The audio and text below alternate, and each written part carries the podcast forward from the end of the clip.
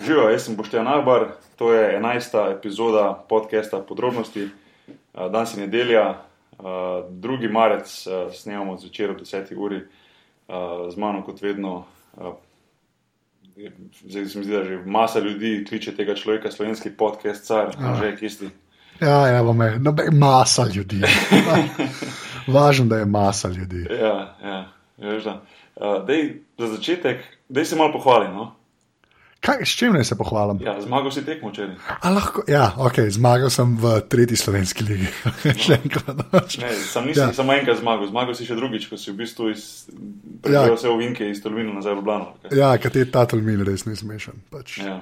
Vse poletje je fajn tam, po zime pa res ne vem. Vsaka čast uninke so tam. No. Sam tam rekel. sam, sam tam rekel. Se pravi, poslušalce iz Tolmina smo izgubili zdaj, zavedno. Ja, Zelo- Um, ne, eh, kot vedno bi se rad zahvalil na začetku vsem poslušalcem in poslušalkam za vse, um, za vse downloade, za poslušanje te oddaje. Um, veliko nam pomeni z Anžetom, z užitkom delamo to oddajo, uh, oziroma pod oddajo. Um, vse komentarje, uh, vse ocene, vse, za vse smo zelo, uh, zelo hvaležni. Zdaj smo že kar nekaj teh ocen nabrali na iTunesih, mislim, da je že blizu 50.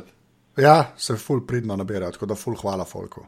Pa seveda ful hvala unim, ki bo ki otežite, da Blackberry uporablja. še enkrat. Sorry, jaz to moram reči. Še vedno ga imam, še vedno ga imam. Uh, ne boste hitro to šlo stran. Um, in pa hvala ja, za ideje, za, za, za podrobnosti. Um, če kak zanimiv, zanimiv um, link oziroma kakšna zanimiva stvar, o kateri bi radi, da govorimo o tej oddaji, po tistih naših weird zadevah na koncu oddaje, ko jih vedno, vedno omenimo. Um, ali pa v bistvu ideje za, za predlogi za, za goste, um, tudi to, tudi to nekako zanžeto vedno prebereva in, in si, uh, se pogovorimo o tem, tako da bomo tudi delali v tej smeri, da mogoče na, za naslednje podrobnosti pripeljemo kakšne goste, ki ste ga vi predlagali. Um, Anže, kje vse se nas najde, oziroma um, na kak način nas lahko ljudje spremljajo in, in zvejo več o, o podkastu tem in pa ostalih, ki jih ima mreža Apparatus. Ja, zdaj mreža aparatus. Ja, vsi, vsi, vse oddaje so na aparatus.si, drugače nas pa najde tudi v iTunesih. Tako da, če tam not napišete podrobnosti ali pa aparatus, marsikaj ven skočne. Tako da, ja, pa tako, kot je Boki rekel, zdaj smo že pri 50 ocenah, ampak to še ne pomeni, da jih nočva še več. tako da, ja, če ste slučajno naročeni v iTunesih, pač uh, bo kakršna koli cena tam ful dobro, dobrodošla. No. Pa na Facebooku je, kad, spomnil sem se, kaj pa sem se spomnil. Odlično. Ja, če v- na Facebook napišete vnotar v search uh, aparatus.si, tam najdete, pa če nas polajkate, ful hvala. Ja, to. Super. Uh, ti imaš že to kar dobro naštudirano, da ti tega hitro skozi. Ja, ja, ker sem že tokrat rekel. A, veš, pa, a ja, pa še pol za slash podpri. Ne? Če imate slučajno šanso, da finančno podprete vse to, kar delamo, greste pa lahko na aparatus.si slash podpri, ker vsak evro, ki ga dobimo, se pol vlaga v opremo. Tako da- Ja, normalno, ker v bistvu je zdaj mreža Apparatus, uh, ima že kar nekaj podcastov, ah je pet ali šest, kako je? Šest. šest podcastov um, in vse to za sabo potegne čas in pa uh, tudi določene stroške, ki jih je treba pokriti in, in sploh z opremo, uh, ki Anže se zmerno trudi, da bi bilo res na najvišjem možnem nivoju, da nas lahko vi čim bolj slišite. In, um, tako da hvala vsem, ki, ki, ki pomagate pri tem. Um, Umenil bom samo na hitro zadnji podcast, še enkrat hvala Žigi Urhu in pa Mateju Hočevarju. Zelo zanimiva debata je bila o, um, o, zdravi, o zdravem načinu treninga, o prehrani, o, o crossfitu. Um, fanta sta iz eh, CrossFit centra Ljubljana, Vigor Ground. In um, se splača poslušati podcast, ker sem se tudi jaz skozi ta pogovor naučil marsikaj, marsikaj zanimivega. Um, Anžeja, sem še karkoli pozabil, kar se tiče teh admin zadev. Ne, mislim, da je to to. Mislim, da je to to. smo pokrili bolj kot vse. Ja. Uh, današnji gost, uh, jaz sem zelo vesel, uh, da, sem se uspel, da smo se uspeli dogovoriti. Um, uh, profesor dr. Matej Tušak, uh, univerzitetni diplomiran psiholog, uh, v bistvu eden najbolj priznanih športnih psihologov v Sloveniji. In, um, jaz uh, sem si že dolgo želel tega pogovora, uh, ker verjamem, da bo to še ena priložnost, da se sam kot športnik zelo veliko naučim in upam, da bo tudi vam vsem zanimivo. Um, tako da, uh, da vidimo končno, kaj, je, kaj se dogaja v glavah športnikov, da to, da to preštiramo. Uh, Anže, štarti zadevo.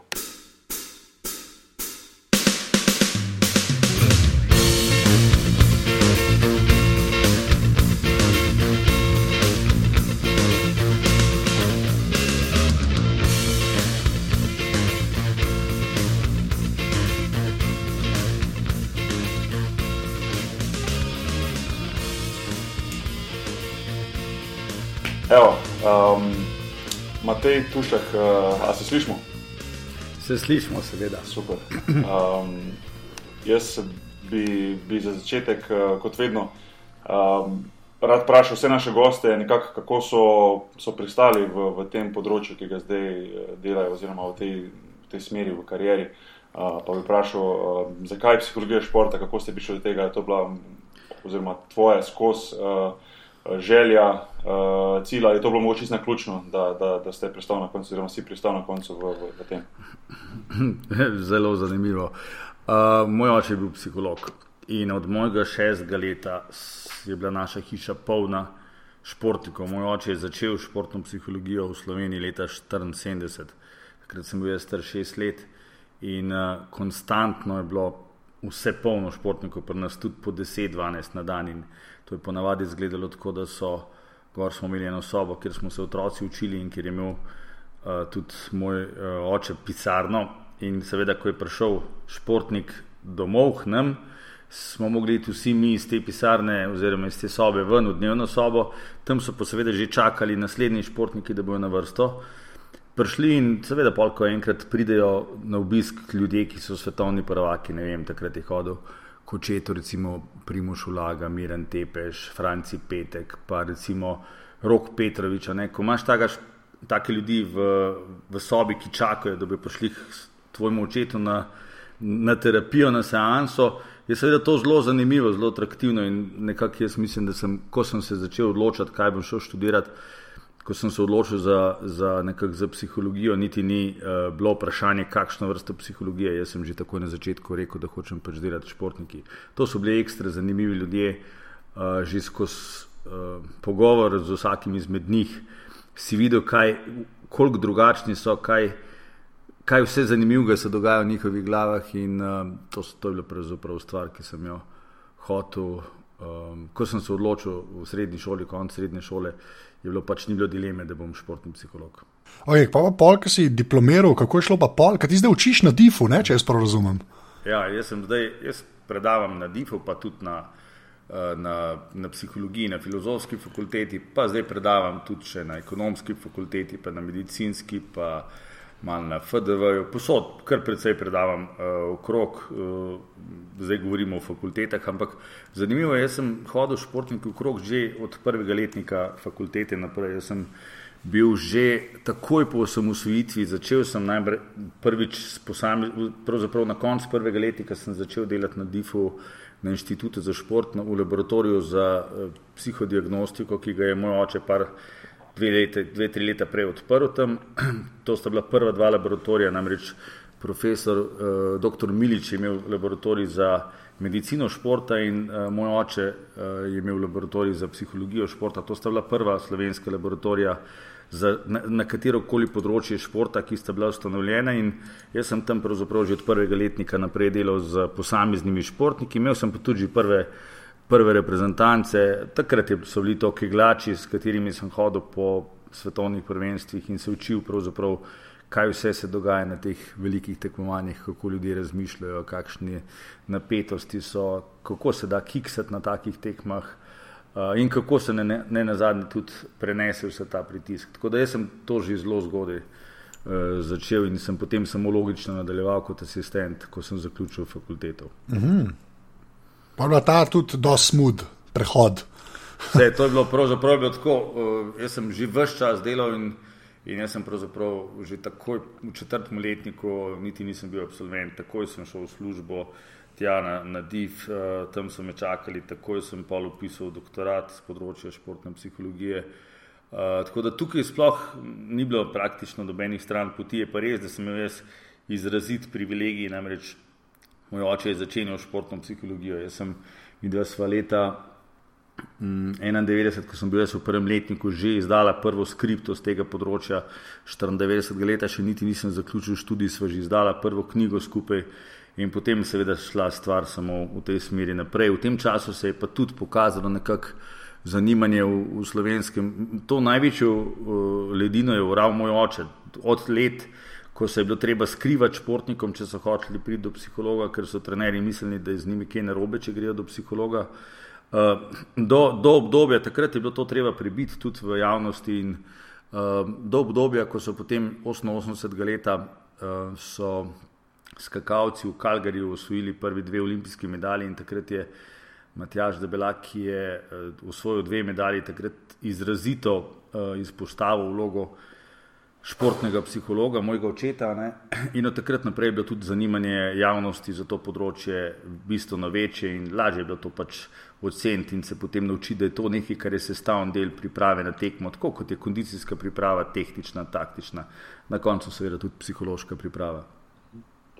Uh, no, sej, uh, si predstavljam, da, da, da, da si dal v bistvu že eno, eno res eno ogromno število športnikov. Uh, skozi, tako rečemo, oziroma da si sodeloval z njimi. Um, recimo, s kom, pa ni treba za imena, ampak recimo, mogoče vsaj po športu povedati, pa na kak, kak tip ljudi ali pa športnikov, recimo, s katerimi je, je bil užitek delati, oziroma je, je, je lažje delati, uh, in mogoče s katerimi je težko. Kdo je, kdo je težko dostopen, pa v bistvu tudi, da, se, da, da pač, uh, se, se, se pri njem težko dosegljive spremembe in tako naprej. Ali je to prav, v bistvu, mogoče bolj specificirano po športih, ali je to res čisto vseeno pač od karakterja oziroma od osebe same? Glej, o nekaterih eh, imenih z lahkoto govorim, ker smo ostali prijatelji, ker tudi skupaj nastopamo. Tudi eh, jaz veliko svojega dela v zadnjih letih upravljam v podjetjih, kjer pravzaprav poskušam menedžerje učiti, kako biti uspešen in zato uporabljam zgodbe iz športa, ker so športniki, se vidimo tudi na zadnjih olimpijskih igrah pokazali, da smo izjemno uspešni in da, da znamo biti uspešni tudi v pogojih, ki niso idealni, česar marsikje druge v slovenskem prostoru ni. Um, ampak tako da z lahkoto izpostavim vsaj nekatere športnike, recimo izrazito lepo, pa uh, poučno za mene je bilo delati recimo z, z uh, Andražem Vehovarjem, bil sem z njim tudi v Atlanti na olimpijskih igrah. Uh, potem recimo z Vasilijem Žbogarjem že dolga leta sodelujeva, z temi judoistkami iz kluba Sankaku, Fabijana na Lopati pri celju, kjer dela potem recimo izjemno, seveda je bilo sodelovanje s Petrom Majdičem, sem kar mislim, da je 12-13 let sodeloval z njo, tudi, tudi bil v Vancouvru z njo takrat, ko ko je prišla do olimpijske medalje z zlomljenimi rebri, pa še zdaj sodelujeva skupaj tudi v različnih podjetjih z različnimi programi. Uh, potem so bili, je bilo obdobje, ko sem delal tudi s Primožom Petrkom, recimo z, z celimi skakalno ekipo, z njimi sem bil na olimpijskih igrah v Naganu leta 1998, uh, pa na svetovnem prvenstvu v Kulmu, pa še na veliko svetovnih prvenstvih in svetovnih pokalih. Ne smem pozabiti tudi keglačev, ki so pri nas nekako precej manj popularni šport, ampak so že dolga leta zdaj ne delam z njimi, ampak so bili meni dragi, zato ker to, so bile to prve reprezentance, kjer sem delal praktično celo reprezentanco v dolgem obdobju, recimo pol leta priprave na svetovno prvenstvo, eh, kjer smo vzpostavljali nek tak uh, koncept, da to ni zdaj stvar, da nekdo pride trikrat, štirikrat pred veliko tekmo, ampak da je to zasnovano skozi celo sezono uh, s poudarkom na viško uh, sezone. Recimo, ne. Uh, ne smem pozabiti tudi nekaj takih lepih zgodb v ekipnih športih. Recimo zadnji dve sezoni sem sodeloval uh, z Krko, košarkaškim klubom, po menjavi trenerja, ko je prak praktično obakrat bila ekipa predvsej sesuta, pa, je bilo treba edino Lovoriko, ki se jo je še dala dobiti, to je bilo naslov državnega prvaka, pa je bilo treba sestaviti novo ekipo. Pravzaprav zamenjali so igralce, prepeljali nove igralce, prepeljali novega trenerja, bilo treba narediti nek nov tim, imeli smo dva meseca in pol časa, pa so se recimo stvari zelo lepo uh, postavile, pa tudi z nekaterimi igralci smo naredili zelo dober kontakt in sodelujemo še naprej. Um, skratka, pol recimo je bila rokometna reprezentanca, ženska, s katero sem sodeloval zelo dobro, uh, spomnim se tudi košarkaške reprezentance, um, ampak tam je bilo te mlajše, ki jo je takrat vodil Martič. Če nisi bil zraven, ja, če si bil zraven. Vse si bil v tej reprezentanci, si bil, mislim, da testiran tudi ti. Res je. Če ja. se ne motim, bo spom, se bo spomnil, mislim, da sem vas testiral v Bernardinu in uh, še največje težave takrat sem imel z Markom Tuškom, ki nam je nekajkrat pobegnil, uh, pet, pet, pet karoke, vmes, če se spomniš. Skratka, v, v Hecu. Ampak to, to so bili, takrat smo pravzaprav začenjali. Takrat mislim, da sem jaz tebe tudi uh, prvič spoznal. Ja, jaz sem bil takrat v bistvu eh, najmlajši v tej generaciji. To so bili malo starejši Ja, od mene, te Tušek, Milič in Sterovič so starejši, ampak takrat sem se jaz prvič priključil. V bistvu. Te reprezentanca mladih je bila to, ne, do 22 let. Ja, ja, mlade. In mislim, da so bili potem, ste bili srebrni, če se ne motim. Ja, jaz, jaz nisem šel zraven takrat prvenstvo. eh, na Evropsko, oni so potem bili srebrni v Italiji, je bilo, eh, je bilo to Evropsko prvenstvo. Ja. Se spomnim, ampak 78. to je bil šele začetek nekega sodelovanja. Tam pravzaprav smo imeli samo testiranje. Takrat smo nekako okušali, tudi na, na košarkaški zvezi so nekako se mi zdi okušali to sodelovanje. Je pa treba vedeti, da je bila prva ekipna panoga, s katero smo psihologi sodelovali, ravno košarka. Moj oče je prevzel Olimpijo oziroma delal kot psiholog v Olimpiji v času, ko je bil tam trener Vinko Jelevac. Igra, uh, in potem za njim tudi še eno ali dve sezoni, ko je Jelovca zamenjal Sagadin.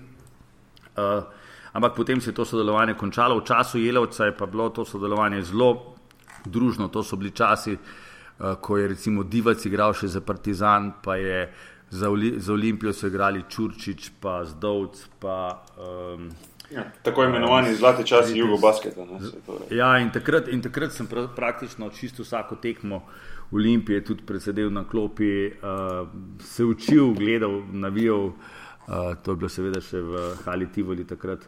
Uh, tako da košarka je bila že od začetka tudi uh, pri nas prvi tak ekipni šport, v katerega smo posegli. Uh, zdaj pa, če pa nekako poskušamo samo definirati, kje se, pa, kje se pa da več ali pa bolj koristno delati ali pa več učinka videti. Zagotovo so panoge, kjer je um, veliko tehnike, veliko možnosti napake, kjer so recimo streljanje, recimo, um, kaj se jim, recimo gimnastika. Uh, tam, kjer je mogoče malo manj vzdržljivosti, te, te panoge so izrazito uh, potrebne, uh, posebne psihološke priprave, zato ker je pač verjetnost napake zelo velika in se pač trudimo to verjetnost napake zminimalizirati. Uh, nekoliko mal, manj je tega uh, v vzdržljivostnih panogah, recimo veslanja. Ne? Čeprav ne smemo zanemariti tega, da se tudi tam da zelo veliko narediti, samo tam so pač tehnike drugačne. Recimo, v, Sam, zakaj pa glih vzdržljivost ta komponenta, to mi pa ni jasno. Zakaj pa to glih? za, zato, ker je, zato, ker je pri vzdržljivosti, ne, Ja. recimo pri enem, pri enem veslanju, ne, uh, če ti prvi zamah naredi zelo slabo, ne, uh, to še ne pomeni, da boš na koncu zgubil medaljo. V smučarskem skoku je pa recimo na odskočni mizi v 20 stotinkah potrebno narediti 12 različnih faz v pravem zaporedju, prav, pravočasno in še v vektorsko pravilni smeri, s, prava, s pravo silo. Ne. In je verjetnost napake v tistem delčku sekunde tako velika, da če ti narediš napako, si iz prvega mesta na 70. mestu, recimo. Medtem ko pri veslanju ta napaka ni tako usodna, isto je pri gimnastiki. ne. Narediš en prst na robe, pa, pa si padel dol z lestvine in namesto da bi bil olimpijski prvak, si na koncu 96, tako kot se je zgodilo Miti Petkovšku v Sidneju. Recimo, ne. Se pravi, verjetnost napake v nekih takih panogah je večja in zato je tam toliko bolj pomembno, da je res vse uh, zasnovano. Uh, ali pa vse narejeno tako, da pademo v neka, mi temu rečemo v psihologiji, idealna nastopna stanja, uh, ideal performance state, rečejo to uh, v angleškem jeziku. Uh, to je tisto, kar mm, boš ti sigurno kdaj uh, občutil to v kakšnem trenutku, ko imaš občutek, da gre vse noter, mm. da praktično karkoli narediš, se ne more ponesrečiti.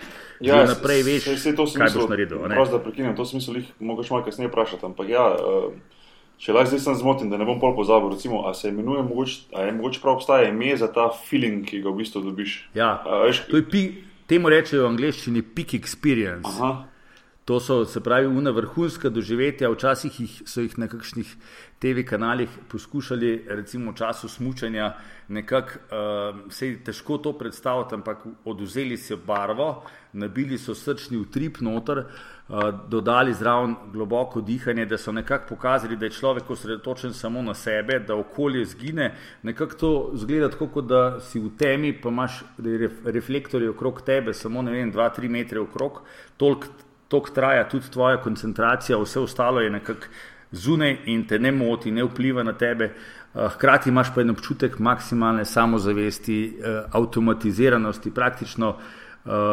občutek imaš, da gre vse samo od sebe. Ja. Na koncu, po takšni tekmi, si seveda maksimalno utrujen, ampak vmes pa tega materja in tega napora sploh ne čutiš. Ja, in je, in je v bistvu zanimivo, da, da mogoče kdo, ki bi, recimo, če zdaj govorimo o košarki, mogoče kdo, ki gleda strani, pa reče, da temu gre vse noter. Ne, Sam, uh, um, ne vejo pa tisti, ki samo gledajo košarko, um, pa to lahko mogoče iz svoje izkušnje povem, da v bistvu je pa res tako reče, da padeš v tisti feeling in tistem, tistem obdobju je res neverjetno, uh, da tudi sam sebi težko razložiš, uh, kako je prišel do tega, oziroma zakaj.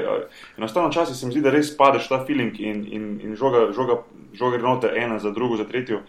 Um, najbolj zanimiva, pa najbolj smešna stvar pri tem se mi zdi, da pa je v bistvu imaš takrat občutek, da je res vse tako zelo lahko.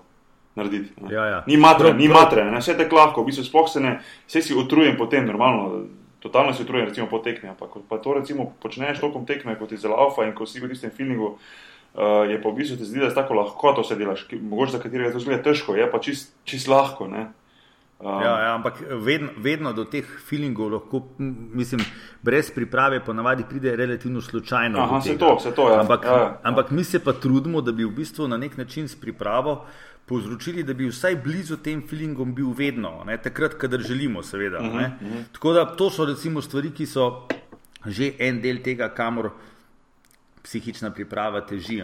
Zdaj, tukaj smo prišli, recimo, konkretno na košarko, uh, ki je v kontekstu priprave podobna vsem ostalim ekipnim športom in je seveda mal drugačna.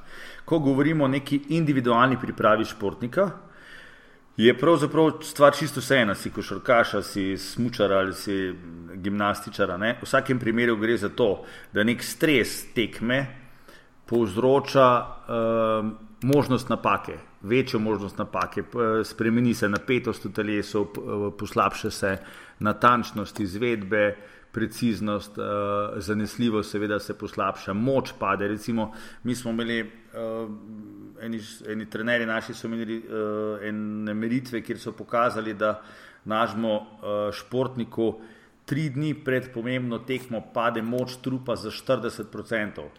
Uh, in potem dva dni po tekmi ali pa en dan po tekmi se ta moč vrne nazaj na isti nivo. Zdaj si predstavljate, recimo, konkretno šlo je za gimnastiko. Ne? Uh, če tebi za 40% pade moč, trupa te seveda na težkih elementih od trga, takrat, ko je tekma.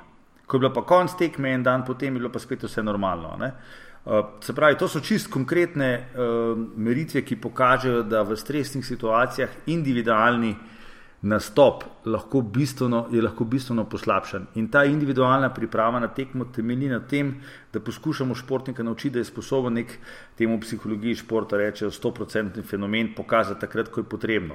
Ampak v ekipnih panogah je to seveda to bistveno premalo. Tukaj je v zadju pač delovanje tima, koliko se oni med seboj poznajo, koliko se razumejo, koliko koliko je neke kemije med njimi, koliko uh, si pomagajo, koliko je skupinske motivacije. Recimo proti koncu, uh, proti koncu leta se neštetokrat dogaja v uh, košarkaških ekipah, da ti individualni motivi, ki so vezani na vem, novo pogodbo ali pa na, na pokazati se, recimo, Zdaj, če ti hočeš se prodati, če se hočeš prodati, morajo videti tvojo statistiko. Če hočeš videti tvojo statistiko, moraš dati vem, 20 košov, če si dvojka, recimo, ali pa ne vem. Uh, ja, ja. Če, tega daš, če tega ne daš, se boš težko prodal. In zdaj, ker naenkrat tisti. Skupinski cilji ni nujno več, da so v spredju, ali pa jih ne znamo ukomponirati. Tako da to so stvari, ki so pa tukaj bistveno bolj zakomplicirane. In, uh, v ekipnih panogah je tudi delovanje ali pa vloga psihologa bistveno teže vidna, teže jo je preveriti, dokazati uh, koristnost. Uh, sploh je pa težko, da bi sam psiholog v ekipni panogi skrbel za to, to je seveda povezano potem s trenerjem ali pa s pomočnikom ali pa z celo celim trenerskim timom. Uh, tako da tukaj, recimo v teh ekipnih panogah, je ta učinek psihologa veliko težje merljiv, kot pa je v neki individualni panogi. V, mogoče še to, kar so prej govorili o teh vzdržljivostnih panogah. Tudi tam včasih rečejo, da mi pa ne rabimo psihologa, saj tu pa ne more biti velike napake. Seveda so pa druge tehnike, recimo ena taka znana tehnika, ki jo uporabljamo v vzdržljivostnih športih, je tehnika disociacije. Pomeni, ko ko postane težko, ko pečejo mišice, ko se laktati nabirajo. Ne? Takrat je seveda odvisno, kje, do kam ti zmoreš iti, je odvisno od tega, kako znaš bolečino prenašati. In tehnike disociacije pomagajo, da znaš to bolečino zelo dobro prenašati, da je ne čutiš, dokler pač ne pride do kolapsa, do krčev, ti bolečine ne čutiš ali pa jo čutiš bistveno manj. Ne? Tako da tudi tukaj se absolutno da najti nešteto tehnik, ki jih se jih da uporabiti, samo je pa seveda delo malo drugačno. Da pa ne govorimo seveda o tem, da imajo športniki tudi svoje osebne življenja, da velikrat se obrnejo na mene. Vem, naši vrhunski športniki, o katerih ne bom zdaj uh, v imeni govoril, ampak uh, so pa, imajo pa milijonske pogodbe, recimo ne, v košarki ali v nogometu, pa imajo v zadju čist banalne vprašanja, ne vem, to, da ne vem, odnos med punco, pa mamo njegovo ali pa uh, očetom, pa ne vem, uh, njim. Recimo. Skratka, čisto običajne življenjske stvari, ki se jih, uh, ki se jih uh, dotikajo v, v življenju, v klubu. Recimo, ne, ne upa priti do trenerja vprašati, ali je trener zadovoljen z njegovim delom. Uh, Ni pa v prvi peterki ali pa v prvi enajsterici. Zdaj, če nisi tam, pa si recimo špici gradc, uh, ti moš če druga, verjeti, če druga ne verjeti, ali na treningu trener s tabo je zadovoljen. Ampak če ti trener tega sam ne pove, kako boš vedel, ali si na pravi poti ali moš kaj spremeniti. In zdaj mnogo krat ne znajo do teh informacij priti in se potem ukvarjamo tudi čist takimi.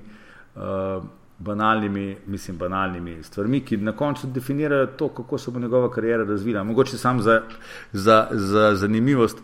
Uh, pred leti sem spoznal psihologa, ki dela v ki je takrat delal v Real Madridu, nogometnem klubu. Uh, jaz sem bil tam, uh, sem pripravljal španske lokostrelce, špa, uh, lokostrelsko reprezentanco, ki je občasno sodelovala s tem psihologom, ampak nekako niso bili čisto zadovoljni, pa sem jaz pol tudi tja prišel in takrat sem se z njim spoznal. In sem ga vprašal, kaj, čemu posvečajo največ pozornosti, dva psihologa sta delala v, v Realu. Uh, in je rekel, veš, ne boš verjel, ampak pri nas je pa nas je višek dela psihologa vezan na to, da igravcem razloži, da je treba iz uh, slačilnic, iz dvoran iti naravnost domov. Ker, ker, pred, ker, pred, ker pred vrati jih čaka izjemno veliko število mladih punc, ki bi jih rade odpeljale domov in če se to zgodi, imamo mi potem seveda zelo hiter problem, ker se to razve in potem seveda nastanejo težave in uh, tega si pa ne želimo. Zanimivo, ne? daleč od tiste klasične psihologije, pa vse en koristno delo, ki ga upravljajo psihologi. Uh, zdaj, ko smo bili v teh ekipnih športih, pa to, a je, a je bilo kdaj. Um... Je bil tak, mogoče, kak trener, ki je potreboval moč, pomoč psihologa, um, psihologa. no, recimo, zelo zanimivo, zelo zanimivo nekoč, nekoč so prišli um, igravci, um, pa, pa um, fizioterapeut, hmen z željo, da poskušam na nek način skontrolirati njihovega trenerja. Tekm, ja, in, to, in, to, in to zanimivo. Boštjan tega zelo dobro poznaš.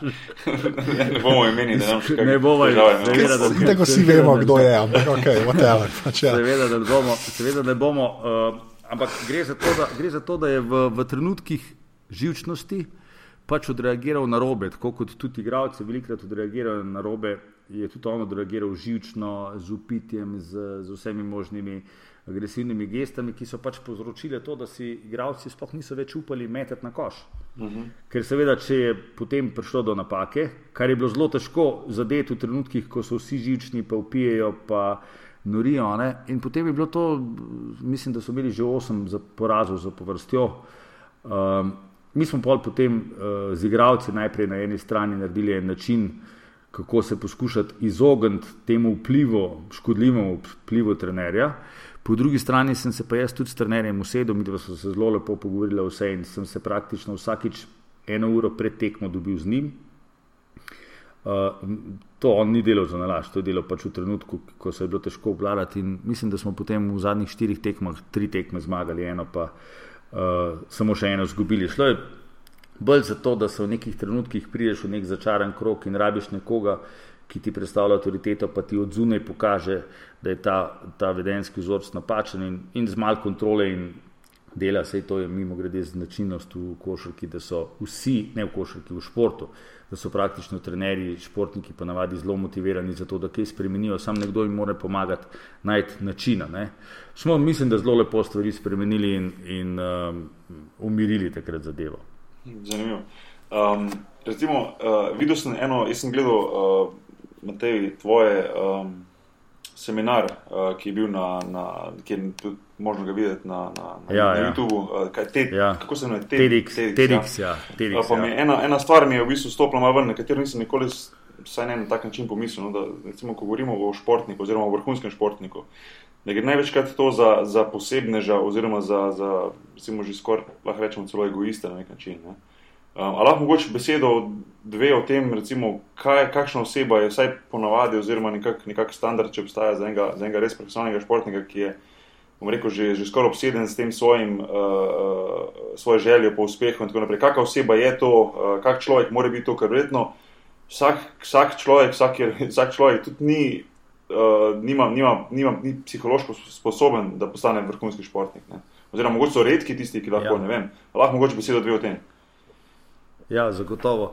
Zdaj, jaz mislim, da je tipov vrhunskih športnikov, ki lahko zmagujejo, več, ampak v nekih osnovah so si pa dosti podobni. S tem, da je med drugim lastnost egoizem, o katerem si govoril, ne, stvar, ki je seveda izrazito nujna na igrišču v nekem trenutku. Ne. Enkrat se spomnim, lahko absolutno o tem govorim z imenom. Petra Majdič, prijateljica moja, tudi ne samo moja nekdanja športnica, rekla: Veš, če jaz pridem v ciljno, ciljno ravnino, poravnano z ostalimi, meni nobena tekmovalka ne bo vzela prvega mesta, ker si nobena tega ne zasluži toliko kot jaz, ker nobena ni toliko naredila kot jaz in jaz bom tam čisto vsaki dokazala, da je to moje in od nikogar druga. Sam tja moram priti se pravi, skupaj v grupi, ne, ne smem zaustati prej na nekem klancu ali pa neki druge.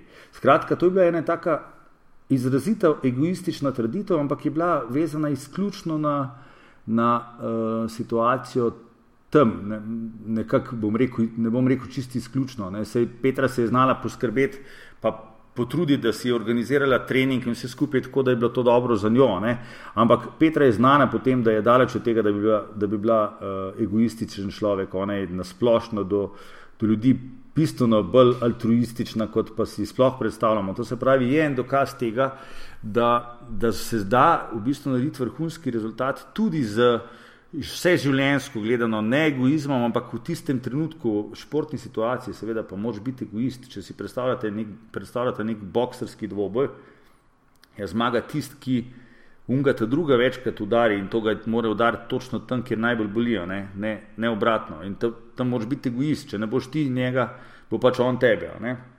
In tako tudi, recimo, če smo gledali zdaj olimpijske igre v Sočiju, ne, pa če ste gledali tudi naše nosilce olimpijskih medalj, ste lahko videli, uh, da je pravzaprav posod bila mal, čeprav, čeprav mogoče ni bila vedno posebej izražena, ampak je bila mal želja za tem, da bi dobili zlato, ne, ne srebrno pa bronasto. Dobro, vse smo lahko srečni, so rekli, ne z srebrno pa z bronasto, ampak večinoma si ljudje želijo zlato, zato ker je to pač tisto, kar je vrh vsega. Ne? In, in prav je, da je tako, ker to je, to je tisto, kar na nek način prepele ljudi naprej. Um, je pa zelo pomembno, da vrhunski športniki ostanejo v svojih vrednotah še vedno ljudje.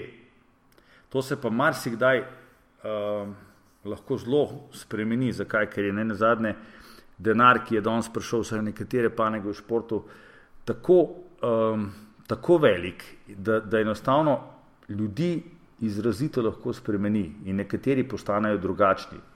In to ni dobro, zato ker prvič spremenijo vedenske vzorce, tiste, ki so jih nekoč pripeljali do na vrh, začnejo spreminjati in seveda, ko začnejo spreminjati tisto, kar deluje, pa navadi zgrmiš navzdol. Uh, in druga stvar, um, ko enkrat nimaš več občutka uh, povezave med tem, kaj ti delaš, pa med tem, kaj služiš, ne, potem enostavno denar nima več te klasične vrednote, kot jo, ki, kot jo ima pri ostalih ljudeh, in, in dobi občutek moči. Se, se spomnimo uh, konfliktov, ko je nekdo izmed naših športnikov rekel, da bo kupil Šma, šmarno goro. Šmarno goro, pa vse skupaj, ne se spomnimo. Ampak to je, to je vse ne na zadnje povezano z denarjem. Ne, ko, ko nekdo na tak način uh, z občutkom moči, ki ga je prinesel ta denar, uh, spremeni celo, celo vem, razmišljanje, to zagotovo ni dobro. Ampak to je realnost, to ni realnost uh, slovenska, to, to je svetovna realnost. Ne? In tukaj seveda tisti, ki so šli skozi neko zelo uh, močno avtoritativno vzgojo, kjer so jih naučili neke um, vrednote, ki, ki, ki recimo so neke, uh, bomo rekli, univerzalne etične vrednote, rečemo v psihologiji. Teh tudi seveda denar ne bo uh, pokvaril. Druge seveda pa lahko spremeni. Sam, kaj, pa, kaj pa zunanji vpliv? Kaj se ti, da se na to doskrat pozabi, čisto kako se pač drugi ljudje začnejo do, do teh ljudi obnašati, ki imajo denar. Mislim, to mora biti še večji faktor, saj jaz na te zadeve tako gledam. Ne? Seveda.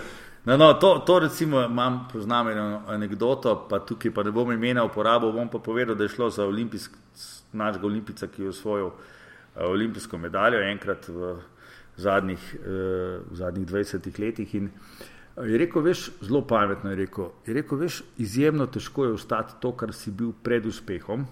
Ne zato, ker se bi ti hotel spremeniti, ampak cel svet se v funkcioniranju do tebe spremeni. Ja. Rekel, veš, tega, tega jaz, in potem vsi te trepljajo po ramenih in rečejo, ja, je super, si sam tak, moč ostati. Ampak ti ne moreš ostati tak, če se pa vsi začnejo do tebe drugače obnašati, kot so se prej. In je povedal eno anegdoto, ki je bila njemu praktično nepojmljiva. Uh, bil je povabljen na neko šolo, da odpre nek prizidek ali neko novo šolo, malo sem že pozabil. Uh, in je rekel, preden sem prišel pač na govorni, govorniški odr, sem imel čigumi v ustah. V ustih. In potem, seveda, ko sem mogel uh, pač povedati to, kar sem si zamislil, uh, Um, sem gledal, kam naj ti ta čigumi odložim, in ker ni bilo pač možnosti, nikjer sem ga plunil tam nekam v grmovje. In rekel, pred mojimi očmi so se tri punce steple in si razdelile moj čigumi. Okay. in rekel, in rekel zdaj, zdaj, zdaj si predstavljaj, kako je težko ostati normalen, če nekaj takega vidiš. Samo zato, ker sem usvojil olimpijsko medaljo in ker sem bil zdaj zaradi tega, ne vem, frajer. Skratka, te, ta zunanja situacija seveda z lahkoto spremeni ljudi in zdaj moraš biti res na nek način močen, da, da vzdržuješ en tak občutek uh, prijaznosti. Uh, Humanosti do ljudi, ki so manj uspešni, manj učinkoviti, ker to, mimo grede, je lastnost vrhunskega športnika, da se, seveda, da se zna veseliti svojih uspehov, da jih zna doseči, ampak da zna razumeti tudi to, da vsi ljudje pa nimajo te možnosti, da bi bili uspešni in da zato, ker sem jaz uspešen, še ne pomeni, da moram na druge ljudi gledati kot na manj vredna bitja. Ne. To se mi zdi recimo zelo pomembno. Včasih nekateri športniki izgubijo ta kontakt z realnostjo in postanejo pravzaprav uh, ljudje, ki jih ne želimo posnemati. Ne. Jaz bi si želel, da bi v bistvu bili zelo zreli v teh pogledih in da bi predstavljali en dober model za mlade, ne pa ne pa neki konfliktnega. Ne. Mhm. Sam pogledamo Majka Tysona, kako je funkcioniral v prejšnjih letih. Čeprav slišim to, kar zdaj slišim, je nekako najdo. Uh, drugačno pot spet v življenju, zdaj, vmes je pa šel skozi faze, ki mu niso glih v ponos, verjetno. Ja, to, to sem mislil, še reči. Ena stvar, ena stvar, oziroma en faktor je bil recimo denar, drugi so potem ljudje okoli tebe. Še ena stvar, ki se pa meni zdi zanimiva, je pa to.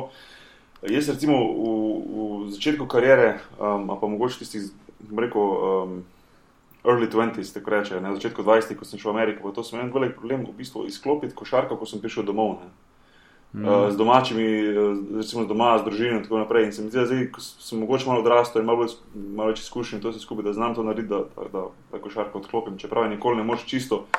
Ampak, uh, recimo, koliko je to dobro, ali pa mogoče ni dobro, da imaš športnik to sposobnost, da lahko, bom rekel, ko prestopi prak, ko pride domov, da, da, da pozabi tisto slabo tekmo, ki je odigral ali pa, ali pa vrhunsko tekmo, ki je dograjen in da lahko doma za svojimi, uh, tisti normalen, uh, ne vem, uh, oče, mož, brat, sin in tako naprej. Uh, mm. Ker se mi zdi, da te, te meje postavljati, oziroma to, to, to, to prestopati te meje, oziroma jih, jih no, postavljati, ja, je, je zelo težko. No, vse meni se je tako dogajalo, da sem šele z leti potem uspel to narediti, da ko sem imel za sabo res težko tekmo, težek poraz, slabo igral, da nisem prišel domov, pa bil potem dva dni doma poklapan, pa se obnašal do ostalih, ki niso bili nič krivi.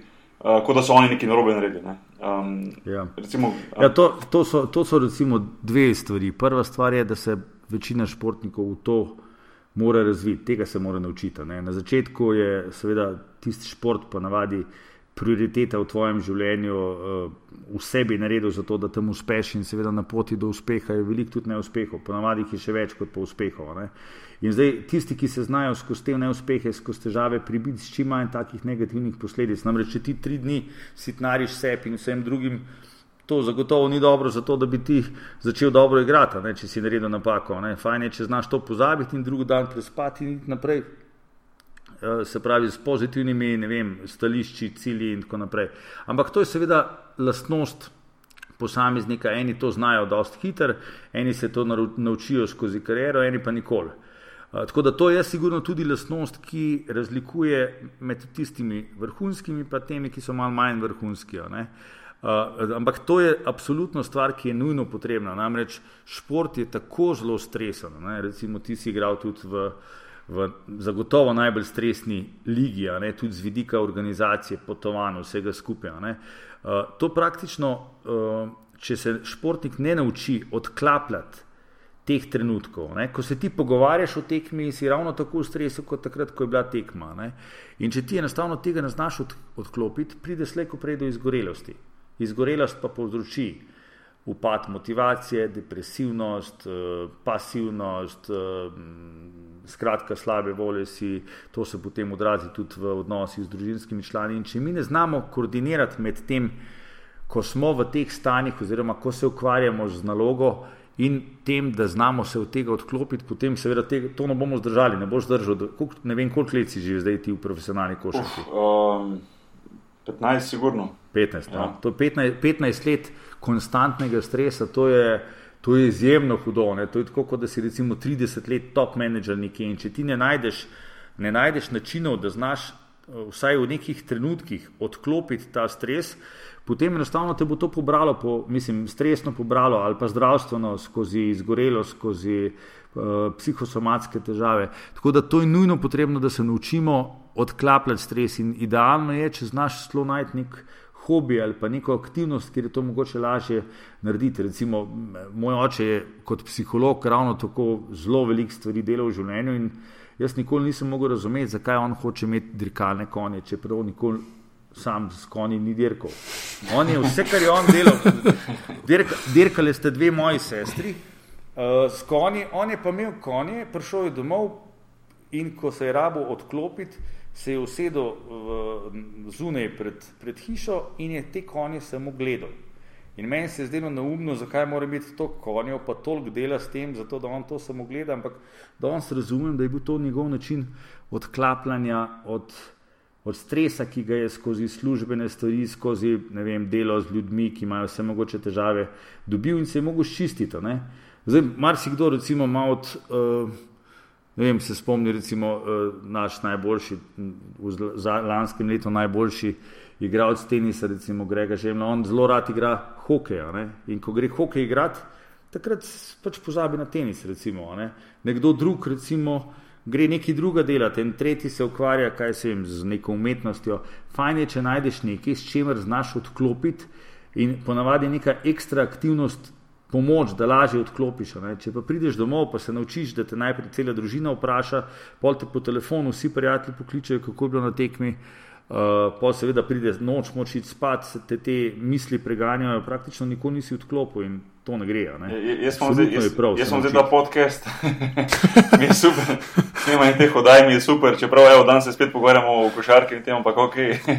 ampak ne, hotel sem reči, da, da se čist strinjam s tem, da, da jaz sem to mogoče malo prepozno v svoji karieri opazil, da je treba imeti ta en outlet, da imaš eno stvar, ki v bistvu je čist nepovezana s košarko. Uh, a pa tudi, če bi bila povezana s košarko, recimo, vem, da bi šel trenirati uh, otroke. Tako, sem, tako. Samo da delaš nekaj, ja. kar predstavlja neko protivtež tistemu hudemu stresu, ki ga ti tako. tam doživljaš na tem. In, in meni se zdaj dogaja, da mi veliko ljudi reče, recimo, ko sem nekje bolj proti koncu karijere, recimo, um, in, in ljudi reče, ja, pa zbijaš tako, tako svež po svoje, pa z vesel na igrišču, pa zadovoljen. In se mi zdi, da eno od teh razlogov je lih to, da sem najdel te outlete, da imamo v bistvu to uh, to sprostiti izven terena, ker kaj se mi dogaja, da ko v bistvu pride trening, pa ko pride tekma, uh, sem tako napaljen, kot ko sem bil recimo pred desetimi leti, pa petnajstimi, ne, ko sem šel na tekmo. Mm. Kar v mesecu, v enem obdobju, mogoče nisem imel. Ne, uh, in je mogoče tudi to eden od razlogov, da, da, da, se, pravim, da, sem, da se z nami odklopiti, da, da, da najdeš to protivtež. Um, tako da to se mi zdi zelo pomembno. Zato sem tudi vprašal Glej, to. ne. To, to, to, recimo, to, to uh, si zelo dobro izhodišče dal temu uh, razmišljanju zdaj. Uh, namreč za, tukaj ti pokaže malo, kje je lahko vloga psihologa. ne. Uh, praviš, da si veliko teh stvari zdaj skozi kariero spoznal ne, in si se jih nekako naučil po principu poskusov in napak. Tako, ja. A- Ampak, ampak recimo, da si neke stvari usvojil pri 30 letih, a ne? Mogoče bi jih pa lahko že pri 20, Ja, ja, 21, res, recimo. res. Ampak, moram, ampak moramo vedeti, to ni stvar, da si bil ti neuspešen. To je dejansko, kadar imaš ti 3, 4, 5, 6 strokovnjakov na kupu, vsak pozna svoje področje. Pač najboljš in potem lahko nekemu vrhunskemu športniku, ki ima velik potencial, pač pomagamo, da doseže stvari relativno hitro. Je pa tukaj čist na dlani, zakaj ti tega nisi potreboval prej. Zato, ker si bil že samo z ostalim talentom, pa ostalim delom tako zelo uspešen, da praktično si prekašal ali pa presegel večino običajnih slovenskih okvirov in karkoli si dosegel, je bilo pravzaprav za slovenske razmere izjemno, izjemno velika. Ne? In zato nekako verjetno tudi nisi čutil te potrebe, da se še izboljšuješ, ker si že tako bil praktično čist na vrhu. ne. Če bi pa zdaj z leti, recimo, ko pa na nek način, če druga ne en del energije, eh, moči mogoče upada, ne, pa človek še vedno išče neke rešitve, kako ostati top in ugotovi, da pravzaprav ni treba več samo uh, brez glavo trenirati od jutra do večera, ampak lahko včasih s pravilnim ali pa bolj učinkovitim pristopom priješ do višjega nivoja forme, z manj dela, pa, pa z manj garanja, ampak seveda s pametjo. Ja, ne. se- In zdaj, se strinjam 100%, Z leti si ja. se verjetno naučil marsikaj od tega. Je res, ne, točno tako, tako ste povedali, se povedal, točno tak, tako občutek imam jaz. Ja. Um, in časi se mi zdi, oj, kaj bi dal, da bi to vedel že pred desetimi leti. veš. Namesto da sem, namesto da sem recimo po, pa pred tekmo, kako, ali pa recimo po kakšni slabi tekmi, namesto da sem šel, pa ni bilo nič narobe, da bi rekel, ampak da sem šel v dvorano in tam res isto brez glavo treniral, dokler ni bilo več enega atoma energije uh, v meni. Uh, mogoče sem napredoval tehnično, pa kako, ampak kot igral se mi zdi, da vseeno je bilo recimo včasih to čist kontraproduktivno. ne.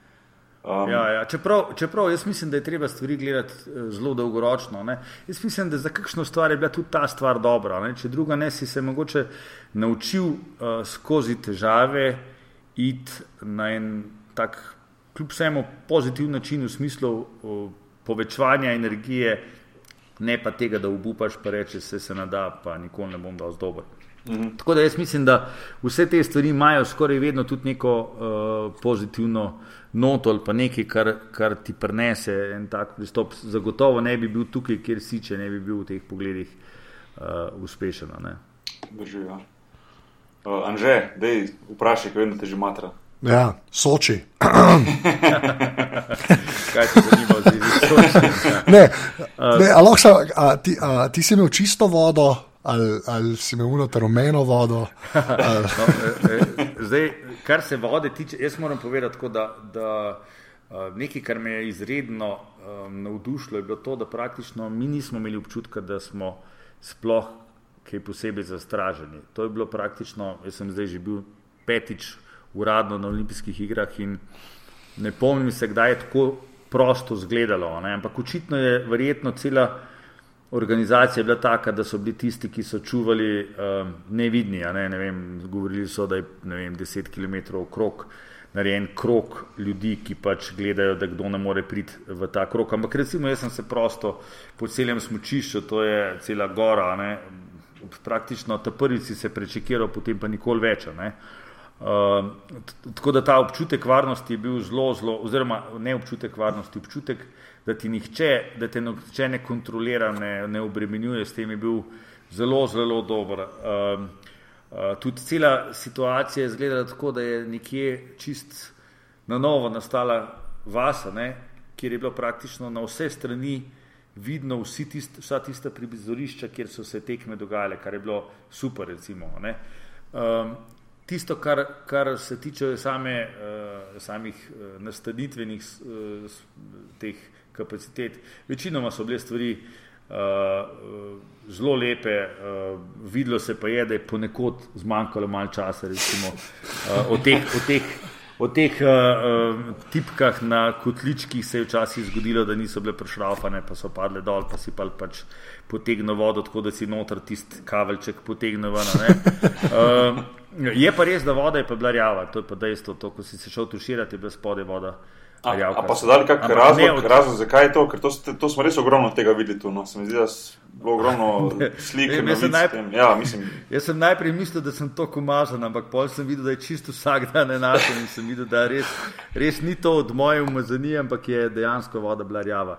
Jaz ne vem, jaz mislim, da ni bila dovolj uh, filtrirana. Tudi tud, uh, zanimivo je, uh, tam, ko smo v jedilnici pili kavo, je imela m, kar nekajkrat zelo močen okus po neki kovini. Ne?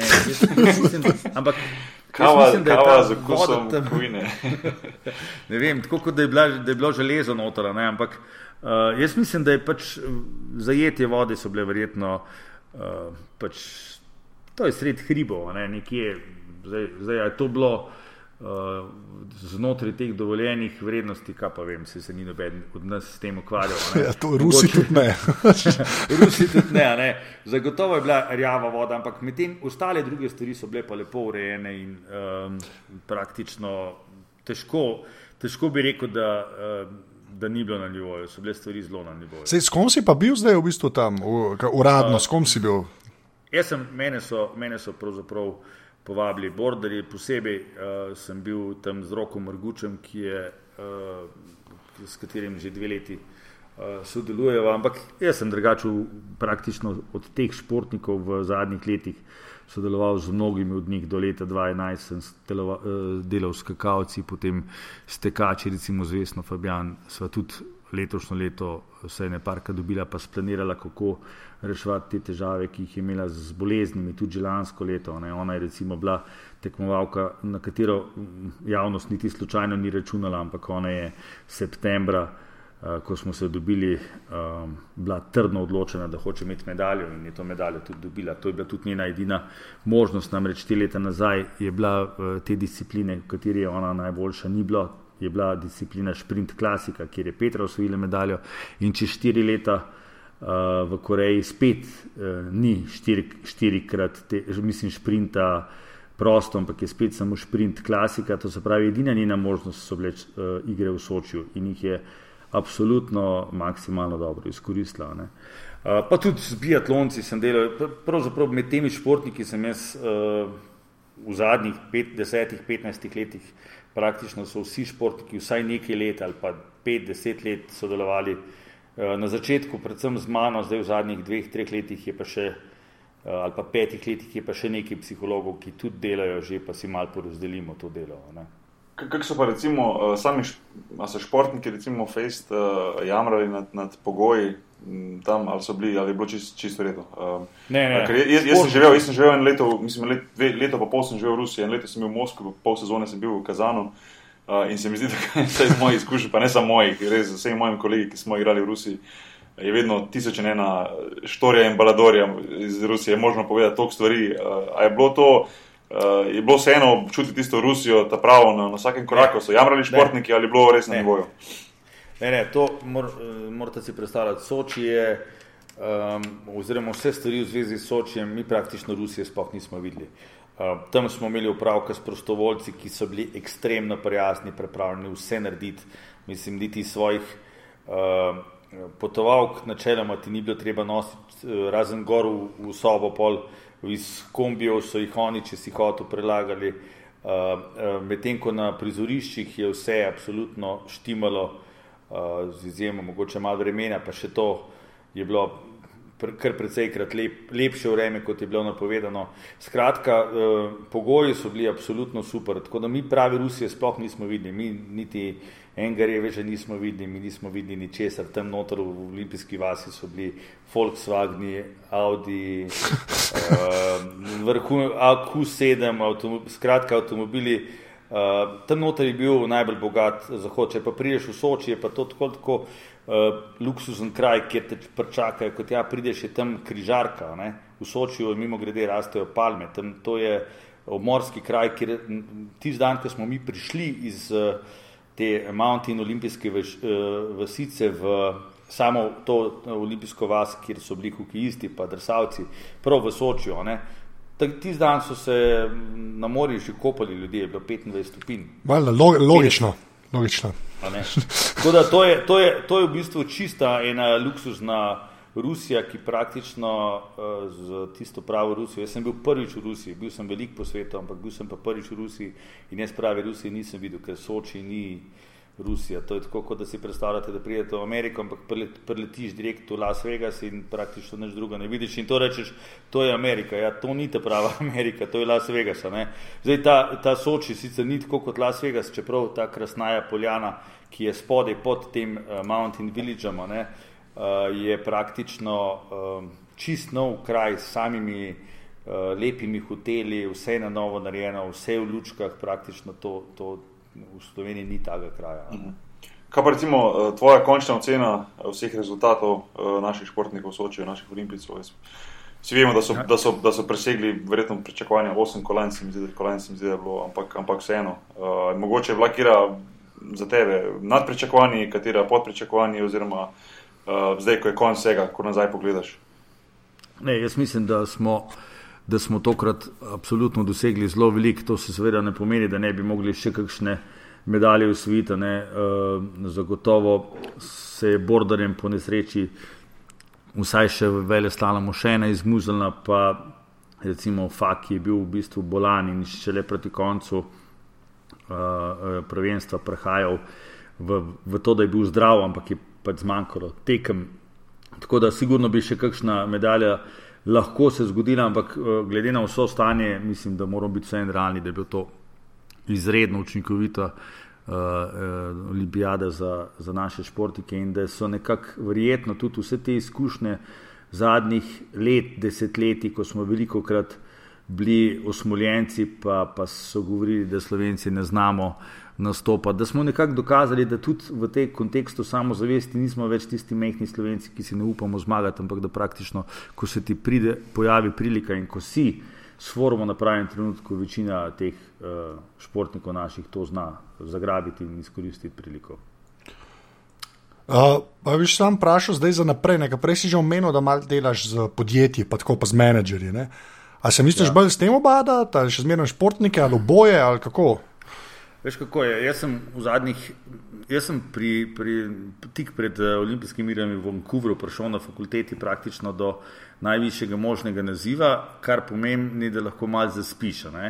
Meni je to v bistvu, uh, to ni moj stil in jaz sem si iskal nove izzive. Jaz bom športnik, ki je absolutno ustajal naprej, uh, zato ker. Um, Ker je to najlepše delo, namreč športniki so tako posebni, toliko zgodb iz športa, ki so meni zelo spremenile življenje, ki so me naučile nekih novih stvari, ki jih sicer nikjer ne bi mogel spoznati, da bom to sigurno uh, obdržal tudi naprej. Ampak uh, hkrati se pa seveda postavljajo nove, novi izzivi. Recimo, naredil sem eno novo spletno uh, oziroma eno aplikacijo za mobilne telefone, ki je prosta za, in za, za, za Android sistem in za iOS sistem. Eh, pa, pa izvirajo iz psihologije. Pr, delam pri enem spletnem portalu Alive, ki govori o, o, o zdravem načinu življenja, o premagovanju stresa.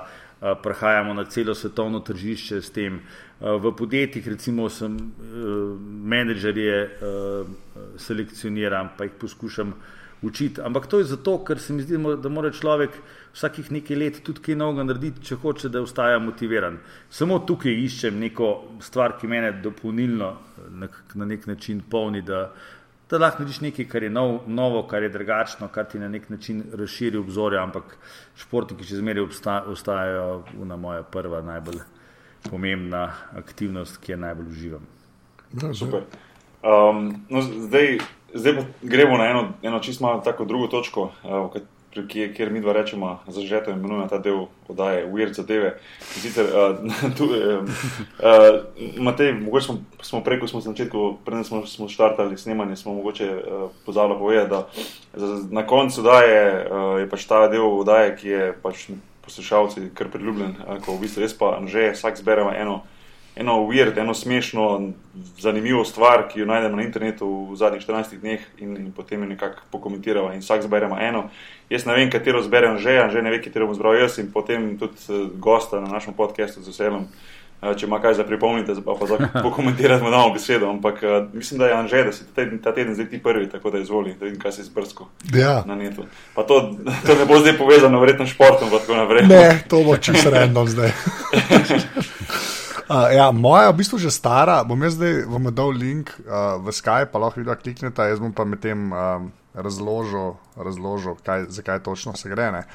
Uh, gre v bistvu za en model, ki je, ta je dosti resna, sploh ni tako smešna, ampak me je full cool zgleda, pa sem rekel, pa res je stara zadeva, ampak ne vem, če že kdaj slučajno kdo ni videl, vse bo link v zapiskih od epizode. Uh, gre v bistvu za enega človeka, ki je v Afganistanu živel, pa je šel pa na Dansko živeti, pa je dizajner rato, neka taka zgodba je, ne, in je naredil uh, v bistvu mašino, ki deminira pač eh, minska polja. In narejena na principu nekih igrač, ki so jih oni delali kot otroci v Afganistanu, ne, ker tam pač full veter piha. In je naredil ene take, sploh tako zgleda, kot taki morski ježki, ki nimajo budic, ne, ampak imajo take noge in pač to postaviš na poščavo, ne, veter piha, te zadeve žene naprej in ko padajo na mino, ne, jo pač sam en delček jo razgon, ne, pa se pa zadeva naprej fura. Ne, in pač plan je, da pol cel polje zdeminira. Ne. A še jaš, se, se sliši se glupo, kot točak. Se ne, vidim zdaj video. se Ja, ja, ja, ampak pa, le, sej, še enkrat, link je v zapiskih, če greš na aparatus.si, pejte slash oddaja, slash podrobnosti, pa ta, ta to je des 11, ne, tako boste tam videli ta video. No. In je pač, ne vem, meni je, meni je ful mi je kul cool. in sem zanj, ne vem, kdo je že spet to objavil. In sem si takoj zacahnil, sem rekel, da to gre definitivno v weird zadeve. No. Ne, si- ti, ti, ko videl ta video, bo videl, da, da to spada ta segment. Ampak res zanimivo zgleda. Tako si rekel, kot en morski ježek, ko se v bistvu kotelino. Ja, ne vem, ful je težko razložiti, ampak je res tako proper kul cool zadeva. Je, no. A prav na principu, na veter to dela. Ja, ja, ja ker kao, ker so v Afganistanu froci, ne, ker pač je tam noč, pač delajo te neke igrače, ki so pač na veter. Ne, in pol je on to nekako združil in kao ne bi zdeminiral. No. Tako, evo. Ta, ta je Se moja. viš, vidiš, take, take rešitve so v bistvu najbolj uh, ustvarjalne, ki v bistvu združijo nekaj, kar na nek način nobenemu ne pade na pamet. a Ne? Pa potem nastane nekaj, kar je drugače od vsega tega, kar že poznamo. Ja, ful zanimivo. Ne, zdaj, ta video, ko gledam, res je zanimiv. ker Ja, splača. ti prav, imaš ti prav, da je res tako, čist huda zadeva. Pač. Um, ja, uh, jaz sem pa v bistvu uh, dobil ta, um, ta link za to novico od našega enega poslušalca, uh, Marko Prelec, oziroma na Twitterju, afna, oziroma Afna Prelec. Uh, tako da hvala. Uh, je, je, um, je v bistvu mi poslal ta link, da, da naj bi um, zelo ena ambiciozna ameriška organizacija, ki se imenuje Media Development Investment Fund, uh, ima v načrtu, da, da v orbito pošlje satelit, ki bi v bistvu streamal, oziroma beamal, po ameriško, tega reče beaming, uh, Wi-Fi po celem svetu. Um, se pravi, da bi bil prosto dostopen Wi-Fi do, do praktično do vsakega, vsakega človeka. Um, internet naj bi bil zdaj po nekih uh, izračunih uh, dostopen, nekje 60% ljudem naj bi bil dostopen. Tako da je še kar ena velika masa ljudi, res, ki, ki nima dostopa do interneta in uh, uh, te satelite naj bi pomagali pri tem. Uh, zanimivosti sta se mi v tem članku zdeli predvsem dve, sta mi padle v oko najbolj to. Ena je, da naj bi bil uh, internet, se pravi, zastojen oziroma free of charge, se pravi, prosto dostopen vsem, uh, kar seveda tem večjim uh, uh, telefonskim um, kompanijam nikakor ni, upogod, ni, ni ne diši najbolj, uh, ampak um, eden od glavnih um, vo, vo, uh, vodij tega projekta, um, Sajed Karim, je rekel, da we will fight and win. Pravi, um, ja. da, bojo, da bojo to uspeli narediti, da bo to dostopno. A druga stvar se mi pa zdi zanimiva, da naj bi um, recimo države, kot sta recimo Kitajska in pa no, Severna Koreja, uh, ne bi imela možnosti preprečiti tega streama. Ozir, a ne? Se- in, in bi bilo v bistvu marsikaj dosegljivo ljudem, um, ki zdaj imajo internet, ampak imajo v bistvu internet precej blokiran oziroma cenzuriran. Ja, ja. Kitajska to ima. Ja, precej, ja. Tako da to bi pa odprlo neka nova vrata, uh, kar se tega tiče, in, in uh, naj bi pač po, po mišljenju teh ljudi, ki imajo ta projekt. Um, Pač planiran, uh, to naj bi pač bil en, en korak naprej v prihodnosti, da naj bi bil vsakmu internet dostopen, um, se pravi, za stona, ne se pravi, uh, brez plačila. Uh, in uh, kar hitro naj bi to ta zadeva štartala. Um, zdaj naj bi v bistvu uh, septembra 2014 naj bi v bistvu že se začeli, začeli povezovati z NASO in začeli tes, testirati ta, ta, to tehnologijo. V začetku 2015 naj bi začeli, prvi, naj bi začeli v orbitu pošiljati, pošiljati prve satelite in junija 2015 naj bi že začeli um, oddajati uh, internetni signal iz vesolja. Tako da, Anže, to tebe zelo zanima, ti taki internetni friki. Dobra, dobra informacija, ker mi uh, internet tukaj preko lastov, ki predvsej slabo dela, pa pravzaprav pol ni potrebno iskati nekih rešitev, ker bomo hmal na, na, na te močne brežične vesoljem internetu. To, šele, to, je res, to, to, to jaz še lahko mi čakam, da, bo, bo, da se Bog izpravi iz te španske linije za nič dol. jaz sem res šloh internetu, ampak. Ampak, gledaj, to se mi že skozi en tak korak, normalen korak, no, naslednji korak. Veš, ono, prvo smo imeli, ne vem, včasih ni bilo niti GSM oziroma telefona, potem dobiš GSM, pa internet, pa zdaj internet na telefonu. Naslednji korak res mora biti to, da imaš vse, pokrot, vse posod pokrit internet, da vseeno, kjer si, ja. dostop do interneta, moš, mislim, moš imeti. To se mi zdi edina taka logična, logični naslednji korak. No? Seveda, ampak to tudi pomeni, da, da smo ga vsi polomili, ker smo zdaj kupili avtomobile, pa nismo noter dali uh, tistega, da ima dostop do interneta. Ker, ker sem si mislil, da ne bom plačal še enega telefona, ampak če bo vse free, je pa škoda, da tega nismo. Ja, da saj antena, uh, da ne. Ja, da saj ja. antena noter. um, ne, to, to bo to. Um, Matej, še enkrat res, res najlepša hvala za, za, ta, ja, hvala. za ta pogovor. Um, mogoče za tiste ljudi, ki, ki jih zanima sodelovanje s tabo, pa sem prepričan, da, da je kar nekaj športnikov, ki poslušajo ta najmanj podcast, ki delamo z žetom. Uh, kako se ti lahko kontaktira, oziroma kako lahko pride stik s tabo, kako lahko zvejo več informacij? Vse, vse informacije imajo na mojih spletnih straneh, ki se jih je lahko zapomniti, ker se je naslov v, v pika matejtusak.si. Uh, uh, možni odprti smo pa za zelo. Jaz imam zdaj tudi dva uh, sodelavca, eno psihologa in enega psihologa, ki mi pomagata, sploh kadar prevzamemo kakšno večjo stvar, da, da tudi takrat, kadar mene ni, nekdo drug to uh, podela. Ampak delamo pa zelo različno, od tega, da delamo individualno, do tega, da naredimo kakšen dan športne psihologije, kjer jih tekom celega dneva naučimo neke vaje. Uh, naredimo neka predavanja, da, da si potem znajo tudi sami pomagati. Tako da možnosti, da se delajo stvari ali individualno ali skupinsko, ali tako da. Da ni zdaj denar tista umitev, zaradi katerega nekdo ne bi mogel priti do teh informacij, že najdemo obliko, ki je za vsega potem uh, sprejemljiva. Tako da, če bojo hoteli me poiščati na teh spletnih straneh, tam so pa tudi moji telefoni, uh, kjer se me da vedno dobiti.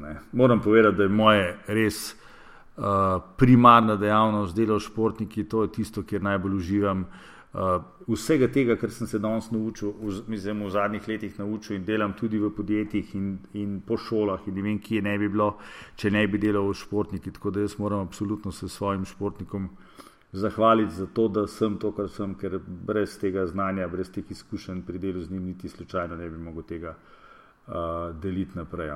In tudi mislim, da je naloga vseh nas, ki smo se kaj naučili, da znamo mladim športnikom, ki si želijo, ki so motivirani, pomagati. Sveda, ne, to je res, uh, ful, mislim, pravilno razmišljanje. In, um, ne bi rad zdaj sam sebe v prsih rad toliko, ampak bi rad samo v isti sapi rekel, da tudi moj namen je v bistvu za delanje teh oddaj, pa delanje teh podcastov, da mogoče lahko tudi kakemu mlademu športniku kaj svetujemo za naprej. In jaz verjamem, da Eh, današnji podcast je bil, je bil en tak, da se bo lahko marsikdo kaj novega naučil. Tako da, ful, ful, hvala. No.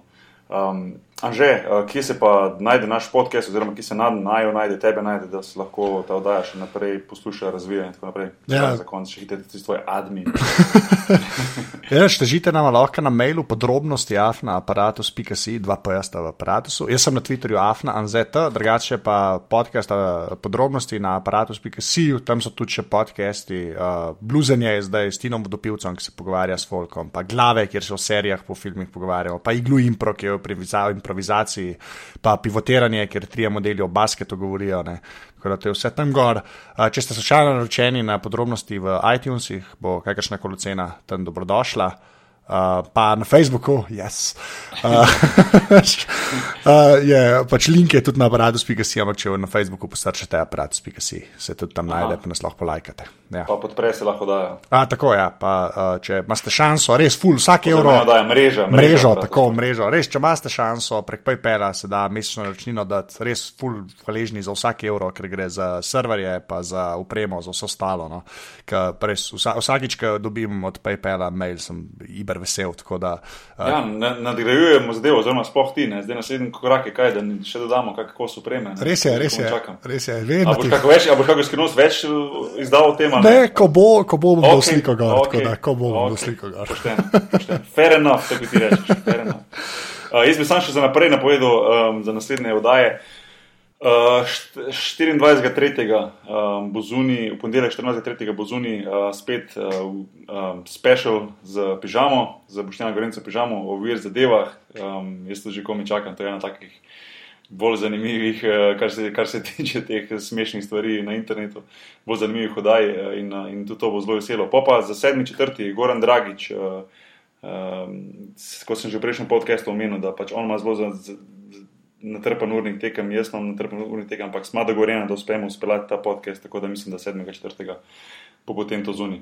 Um, Tok za enkrat, um, še enkrat najlepša hvala, Matej, um, sem full hvaležen. Hvala tudi vama. Ja, Ja, res Pa hvala, ker veseljem. vzel cajt. tako da, Ja, verjamem, da, da se nismo zadnjič, zadnjič pogovarjali in, in da se še kaj vidimo, slišimo. in tako naprej.